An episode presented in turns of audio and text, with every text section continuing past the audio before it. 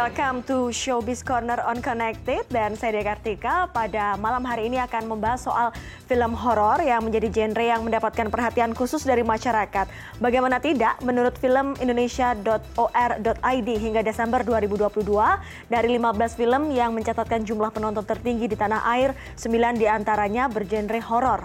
Apakah hal tersebut yang melatar belakangi Perum Produksi Film Negara dan Zaman Studio untuk memproduksi film berjudul Anak Titipan Setan yang tadi sudah kita lihat sebelumnya sudah bergabung di studio pemeran film Anak Titipan Setan Gisela Anastasia. Halo, selamat Halo, malam Kak Gisel. Apa kabar?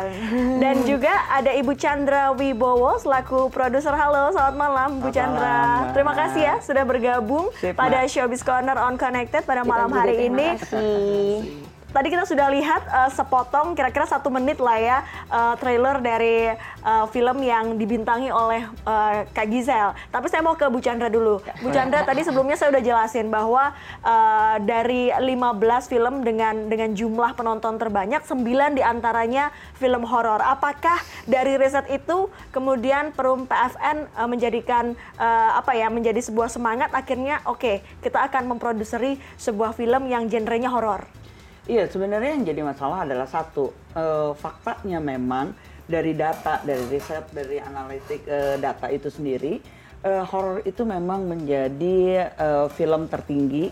Jadi memang kita mencoba untuk melihat pesan yang disampaikan itu bisa disampaikan dalam berbagai genre. Mm-hmm. Dan kita mencoba kalau misalnya dari data analitiknya itu tinggi, kita kenapa nggak masuk di situ mm-hmm. sehingga pesan itu juga bisa disampaikan sebagai contoh ya, uh, kalau misalnya kita dulu waktu kecil itu kan ada uh, Scooby Doo, Scooby Doo oh, iya, itu kan betul. kan juga kan sebenarnya kan ada tegang-tegangnya sedikit mm-hmm. untuk anak-anak karena ad adrenalin kita itu kadang-kadang benar-benar terstimulir gitu oleh sesuatu yang film gitu ya.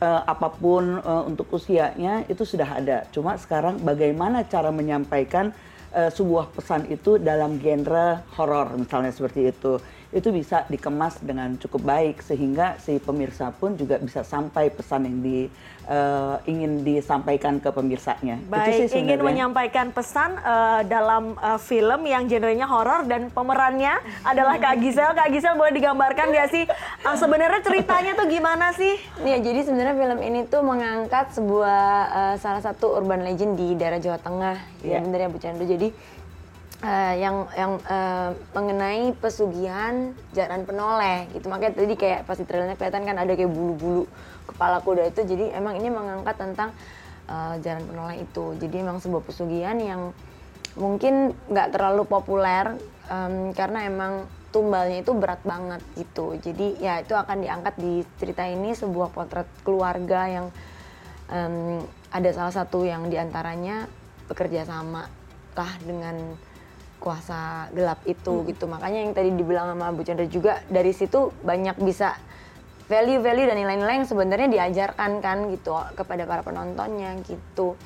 Ini cerita ini tentang tentang itulah tentang tentang bergulir tentang itu dengan terus ada hubungan keluarganya yang juga diangkat gitu seperti hubungan ibu anak um, menantu mertua gitu. Itu itu semua nanti tergambar dengan dengan tegang dan hmm. um, apik dengan cantik juga gitu di film anak titipan setan ini. Mm-hmm. Gitu. Pemilihan uh, dari apa ya dari uh, jalan cerita cerita uh, big picture-nya dari film ini memang cukup relate ya dengan kehidupan kita ya, Iya, Chandra? karena itu based on fakta. Ya, Jadi ya. sampai ini. sekarang pun masyarakat juga masih banyak yang sebenarnya mencari pesugihan mm-hmm. atau uh, sesuatu kekayaan itu berdasarkan uh, apa ya boleh dibilang uh, entah lupa, entah apa pun itu gitu. Jadi benar-benar sesuatu yang pengen instan. Hmm. Jadi dia hmm. pengen kaya, usahanya pengen uh, cepat laku ya, dan dia benar-benar ya, ya itu itu itu sampai sekarang terjadi gitu. Dan uh, kita mencoba untuk memberikan pesan bahwa kalau kalian ingin melakukan sesuatu dengan cara seperti itu gitu yang menjadi uh, korbannya itu adalah anggota keluarganya ya, ya mungkin kita mencoba ya, benar sih. Lebih tepatnya ya. kayak kalau kita meminta sesuatu bukan kepada yang maha kuasa pasti ada embel-embelnya lah gitu. Hmm, apa pun ada itu ya yang dibayar ada ya. dibayar betul, gitu. Apa pun betul. nanti tergantung perjanjiannya gitu Kak Gisel ini kan uh, kalau koreksi kalau saya salah, mm -hmm. tapi ini film horor pertama Kak Gisel. Iya, bener. Kenapa akhirnya oke okay deh, nggak apa-apa saya main film horor gitu. Kenapa enggak, Ci? tapi karena emang aku ini orangnya pengen banget belajar gitu. Uh, acting kan emang dunia aku, bukan dunia aslinya aku gitu. Mm -hmm. Itu aja udah belajar terus ke horor lagi gitu. Jadi kayak double-double gitu, seneng banget pastinya. Terus apalagi hmm, disutradarai kan uh, oleh Mas Erwin Arnada mm-hmm. gitu kita udah tahu sendiri film-filmnya. Terus baca sinopsisnya juga wah menarik nih gitu. Karena aku tuh orangnya sangat tertarik sama sesuatu yang ada historinya gitu. Mm-hmm. makanya dari Penola ini kan emang beneran ada di masyarakat Jawa Tengah. Jadi kayak penasaran sama sebenarnya tuh gimana gitu. Dan hmm, ya terus pemain-pemainnya juga pada udah jago-jago gitu jadi kita bisa banyak belajar. Ada Cek Ingrid ada Mani Sayartami gitu terus sama ya salah satunya ya karena yang produsernya juga ada PFN-nya Bu Chandra. Jadi aku merasa wah ini pasti something ini itu must be something aku mesti main Bu Chandra gitu. gimana? Kak Gisel kemarin iya. uh, nung nunggu jawaban lama nggak?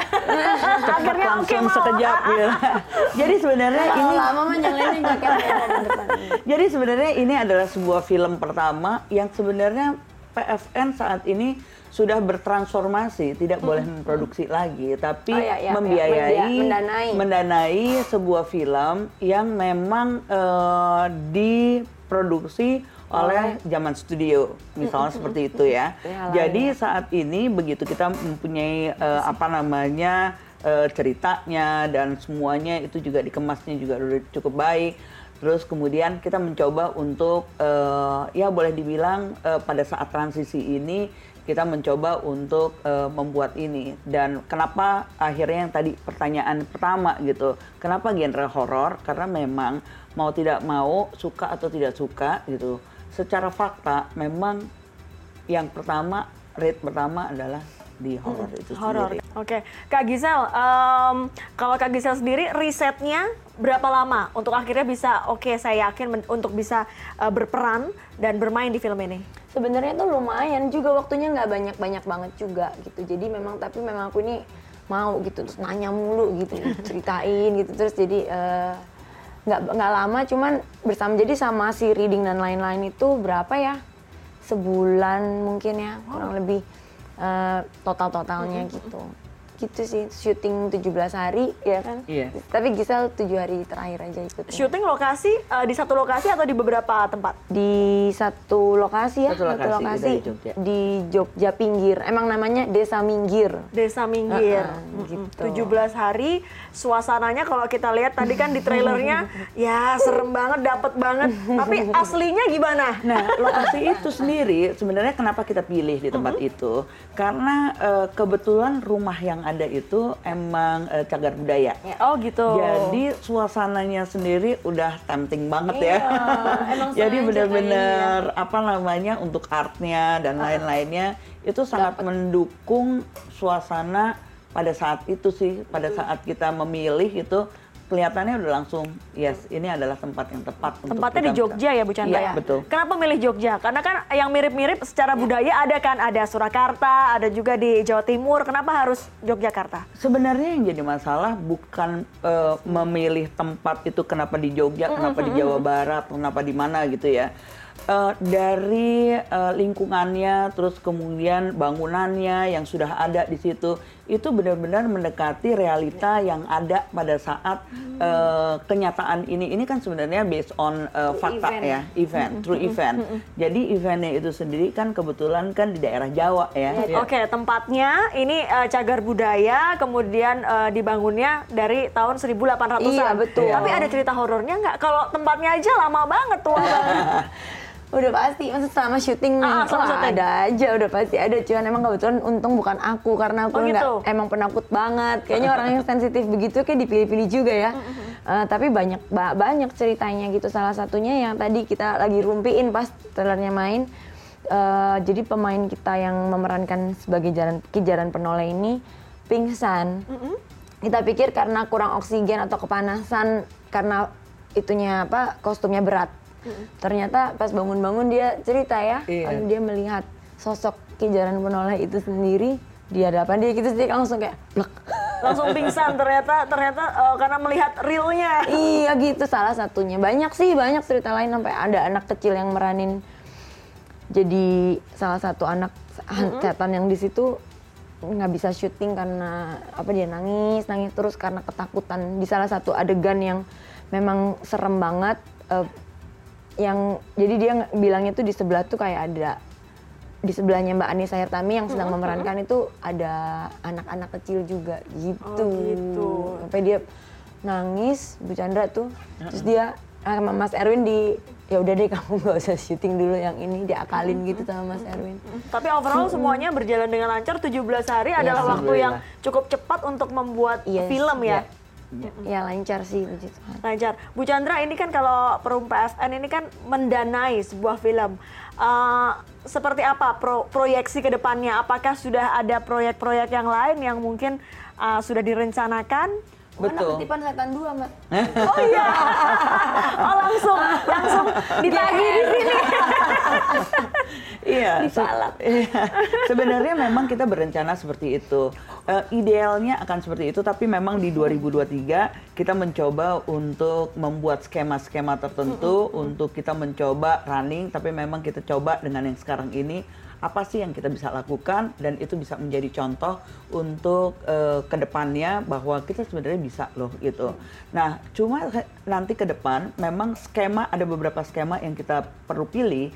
Salah satunya adalah matching fund. Matching fund itu uh, suatu skema yang sebenarnya kita mendanai tapi tidak penuh. Mm -hmm. uh, tapi si production house harus memiliki fund juga untuk bisa ada di situ hmm. uh, di proyek itu. Kenapa? Karena dalam dalam uh, financing ini ujung-ujungnya harus BEP kan sebenarnya. Yeah. Jadi mencoba untuk membuat production house itu berpikir secara skala bisnis hmm. terlepas bahwa isi film yang uh, diproduksi itu mempunyai uh, apa ya value yang tinggi baik itu terhadap kebudayaan atau mm -hmm. apa pun itu namanya tapi kita harus memikirkan secara komersialnya yeah. jadi matchingnya itu juga kita harus pikirkan juga gitu mm, jadi kalau dari kalau dari genre sendiri horor tentu punya punya peminat yang yang besar begitu yeah. genre lain mungkin Pak Evan kalau mau mendanai yang seperti apa justru sebenarnya uh,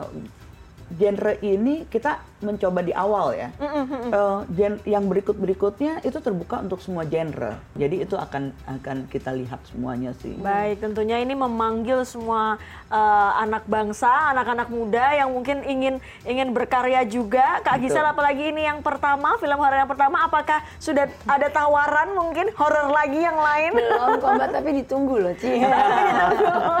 Baik, sukses semoga uh, film ini bisa juga memberikan selain pengetahuan soal budaya tapi juga nilai-nilai baik ke masyarakat. Terima ya, kasih ya, Kak Gisel dan Ibu Chandra sudah bergabung di Showbiz Corner pada malam hari ini. Dan sekian Showbiz Corner kita minggu ini, kita akan bertemu lagi di Showbiz Corner pekan depan.